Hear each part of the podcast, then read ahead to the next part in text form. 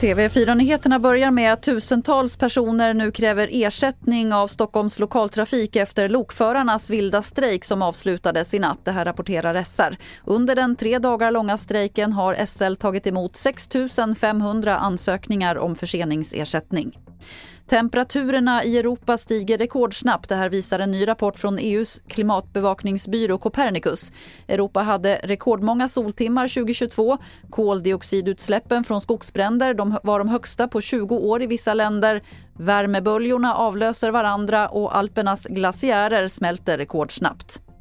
Till sist kan vi berätta att en ny så kallad halvsyntetisk variant av cannabis säljs lagligt i svenska butiker och marknadsförs till unga på nätet. Substansen som heter HHC säljs bland annat i förpackningar som liknar smågodis.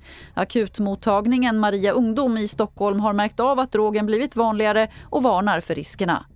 Det är ungefär samma risker som cannabis. Man kan komma in i en missbruk och vidare i en beroende. Alltså det här är ändå en rysk roulette när man börjar ta droger.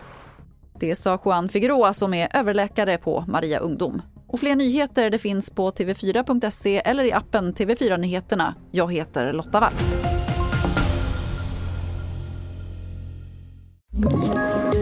Poddtips från Podplay.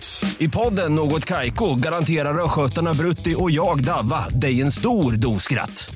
Där följer jag pladask för köttätandet igen. Man är lite som en jävla vampyr. Man har fått lite blodsmak och då måste man ha mer. Udda spaningar, fängslande anekdoter och en och annan arg rant. Jag måste ha mitt kaffe på morgonen för annars är jag ingen trevlig människa. Då är du ingen trevlig människa, punkt. Något Kaiko, hör du på Podplay. Därför är gardinerna.